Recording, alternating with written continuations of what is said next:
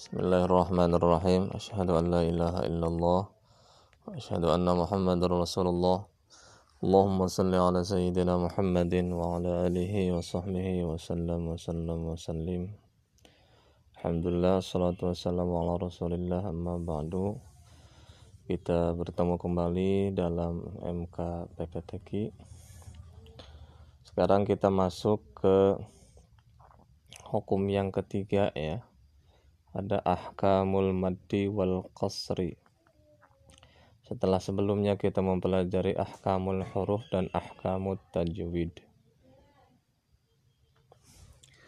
Review ulang ya sedikit ya. Ada ahkamul huruf itu ada empat ya. Jadi hukum-hukum huruf ada asmaul huruf ada alqabul huruf ada makharijul huruf ada sifatul huruf Oke, asmaul huruf sudah hafal semua. Al-qabul huruf itu ada 10.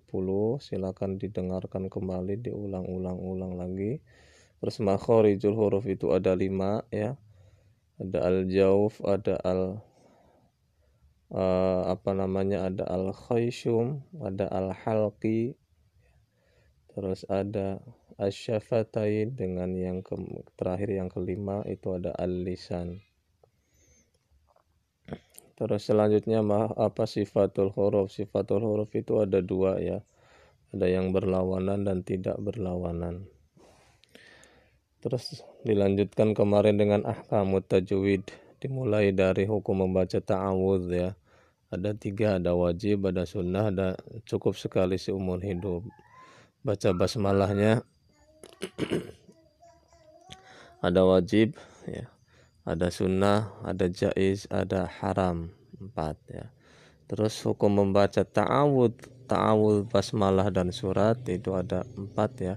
Ada qat'ul jami memutus seluruhnya, waslul jami menyambungkan seluruhnya, waslul ta'awud wa wal basmalah jadi menyambungkan ta'awud dengan basmalah dengan suratnya dipisah atau wakof ya. Terus menyambungkan basmalah dengan surat. Terus dilanjutkan dengan hukum nun sukun dan tanwin ya. Ada empat terus ada hukum mim sukun terus ada hukum idgham ya ada hukum ro ada hukum kolkola dan lain dan sebagainya. Silakan diulang-ulang uh, podcast materi yang sebelumnya. Sekarang kita masuk ke ahkamul ghari eh, apa ahkamul ahkamul maddi wal qasri.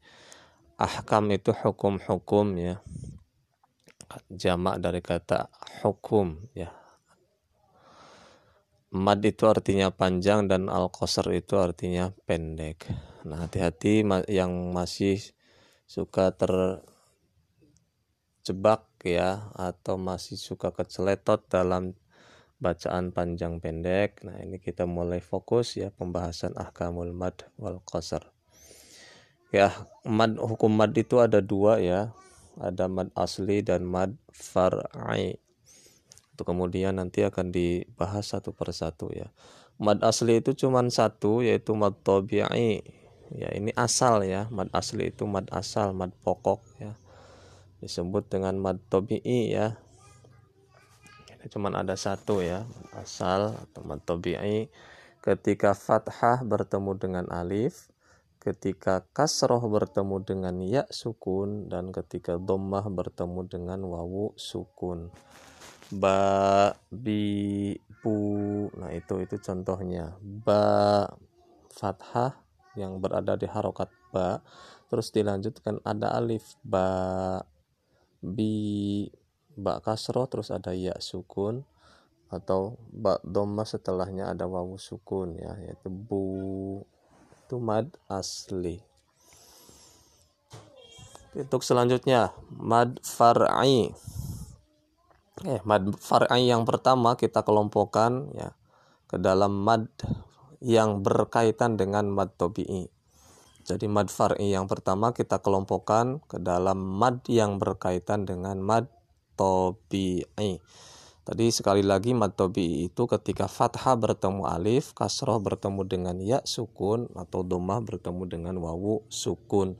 Itu mad tobi'i. Nah sekarang pengelompokan yang apa yang mad far'i kelompok pertama mad far'i yang berkaitan dengan mad tobi'i ada empat ya ada mad wajib mutasil ada mad jaiz munfasil ada mad arid lisukun dan mad lazim muthaqal kilmi sekali lagi mad far'i yang pertama ya dikelompokkan ke dalam mad yang berkaitan dengan mad tobi'i yang pertama ada mad wajib mutasil, kedua mad jaiz munfasil, ketiga mad arid lisukun, yang keempatnya mad lazim muthaqal kilmi.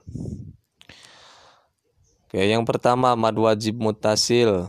Definisinya ya, biar gampang kita cari definisi yang praktis saja, yaitu ketika mad tobi'i bertemu hamzah dalam satu kalimat. Sekali lagi, mad wajib mutasil itu mad tobi'i bertemu hamzah dalam satu kalimat. Contohnya, Idza jaa nasrullahi wal fath. Kita fokuskan pada bacaan jaa. Ya, coba barangkali kalau yang belum hafal silakan baca surah An-Nasr ya. Idza jaa di situ jaa mad wajib mutasil. Tadi definisinya mad wajib mutasil adalah mad tabi'i bertemu dengan hamzah dalam satu kalimat. Kita fokuskan pada ja'a. Ja di situ harokatnya fathah, terus setelahnya ada alif, terus ada hamzah lagi setelahnya. Dan ja'a itu adalah satu kalimat ya, yang artinya datang. Jadi ja'a itu artinya datang satu kalimat ya. Ja fathah bertemu alif itu mad tobi'i ya a-nya itu hamzah dan dalam satu kalimat jaa maka jaa adalah mad wajib muttasil itu penjabarannya untuk yang kedua yang kedua itu ada mad jaiz munfasil ya mad jaiz munfasil Mad jaiz munfasil adalah mad tobi'i ya bertemu dengan hamzah di lain kalimat. Jadi mad jaiz munfasil itu mad tobi'i bertemu hamzah di lain kalimat. Contohnya surah Al-Qadar misalkan atau surah Al-Kautsar. Inna a'tainakal kautsar itu coba perhatikan inna. Di situ kan ada na berharokat fathah terus ada alif terus ada selanjutnya ada a'tainaka. Itu kan ada hamzah di situ ya. Jadi yang dimaksud dengan hamzah itu alif yang berharokat itu hamzah ya soalnya ada hamzah yang seperti ain yang ke atasnya saja kepalanya kepala ainnya ada yang seperti alif ya terus ada harokatnya. Itu sama ya. Ketika hamzah itu ya alif yang diberi harokat itu sudah menjadi hamzah ya. Kalau tadi kan coba perhatikan antara jaa hamzahnya kan seperti itu bentuknya dengan inna a'tainaka itu hamzahnya seperti alif. Ya jadi inna a'tainaka inna nah itu kan ada fathah yang terus bertemu dengan alif terus selanjutnya ada kalimat a'taina ada hamzah Nah, inna itu kalimat tersendiri ya, sudah bisa memiliki arti inna sesungguhnya kami a'tainaka ya, telah memberikan kepada engkau. Nah, jadi inna dengan a'taina itu dua kalimat yang berbeda. Oke, banyak ya seperti inna anzalnahu juga sama itu mad jaiz munfasil. Yang ketiga, ada mad arid lis sukun. Mad arid lis sukun itu ya mad tabi'i bertemu huruf hidup di akhir kalimat atau yang dibaca wakof. Wakof itu artinya berhenti. Sekali lagi, mad arid sukun itu mad tabi'i bertemu dengan huruf hidup di akhir kalimat atau yang dibaca wakof di akhir kalimat itu di akhir ayat ya bisa kan gitu ya. Contohnya muslimani muslimina muslimuna. Contoh ini ya. Atau misalkan kita lihat pada uh, surah al-fatihah Alhamdulillahi Rabbil Alamin. Kita fokus pada huruf yang terakhir min. Di situ kan mat mana? Min. Mim berharokat kasroh. Terus ada ya sukun. Nah, bertemu dengan huruf nun yang hidup. Terus di situ ada akhir kalimat berupa akhir ayat. Maka itu menjadi mad arid lis sukun. Berbeda dengan mad wadduha Walaini idza saja. Kalau wadduha di situ kan ada ha yang berharokat fathah, berharokat fathah, terus ada alif bengkok, alif layinah ya. Atau di situ haknya berharokat fathah berdiri. Terus tidak ada huruf hidup setelahnya, maka wadduha itu ya bukan mad arid li sukun tapi tetap menjadi mad tabi'i. Kalau al-alamin al-alamin ya, itu lihat mim sukun eh, mim, mim berharokat kasroh bertemu dengan ya sukun terus ada huruf nun yang hidup. Hidup itu artinya berharokat ya. Alhamdulillahirabbil alamin kan nunnya kan aslinya kan terus ada akhir ayat ya alhamdulillahirabbil alamin ini panjangnya bervariasi ya bisa 2 sampai 5 harokat ya. Oke.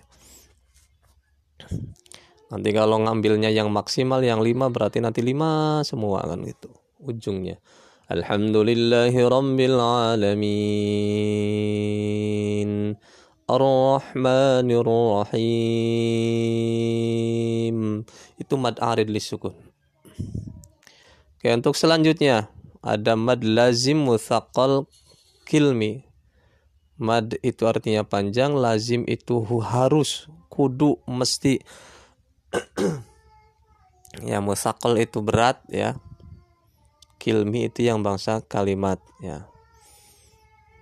Definisinya mad tobi'i bertemu dengan huruf bertasydid mad tobi'i bertemu dengan huruf bertasydid contohnya di ayat terakhir surah Al-Fatihah. Waladhalin.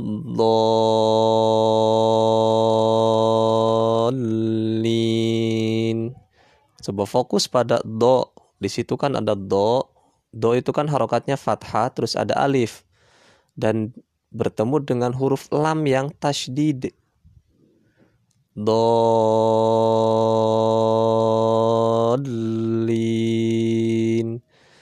Nah itu contohnya mana lagi banyak as-sokh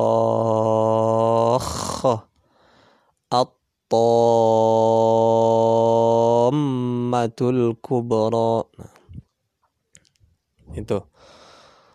Jadi itu mad far'i yang pertama, kelompok yang pertama, mad yang berkaitan dengan mad tobi'i. Ingat mad tobi'inya itu fathah bertemu alif, kasroh bertemu dengan ya sukun, domah bertemu dengan wawu sukun. Contohnya ba, bi, bu, itu mad tobi'i. Untuk selanjutnya yang tadi mad tobi'i, eh, apa, mad far'i yang pertama berkaitan dengan mad tobi'i ada mad wajib mutasil, mad jaiz munfasil, mad arid lisukun dengan mad lazim mustaqal qilmi. Sadaqallahul azim wallahu alam bisawab.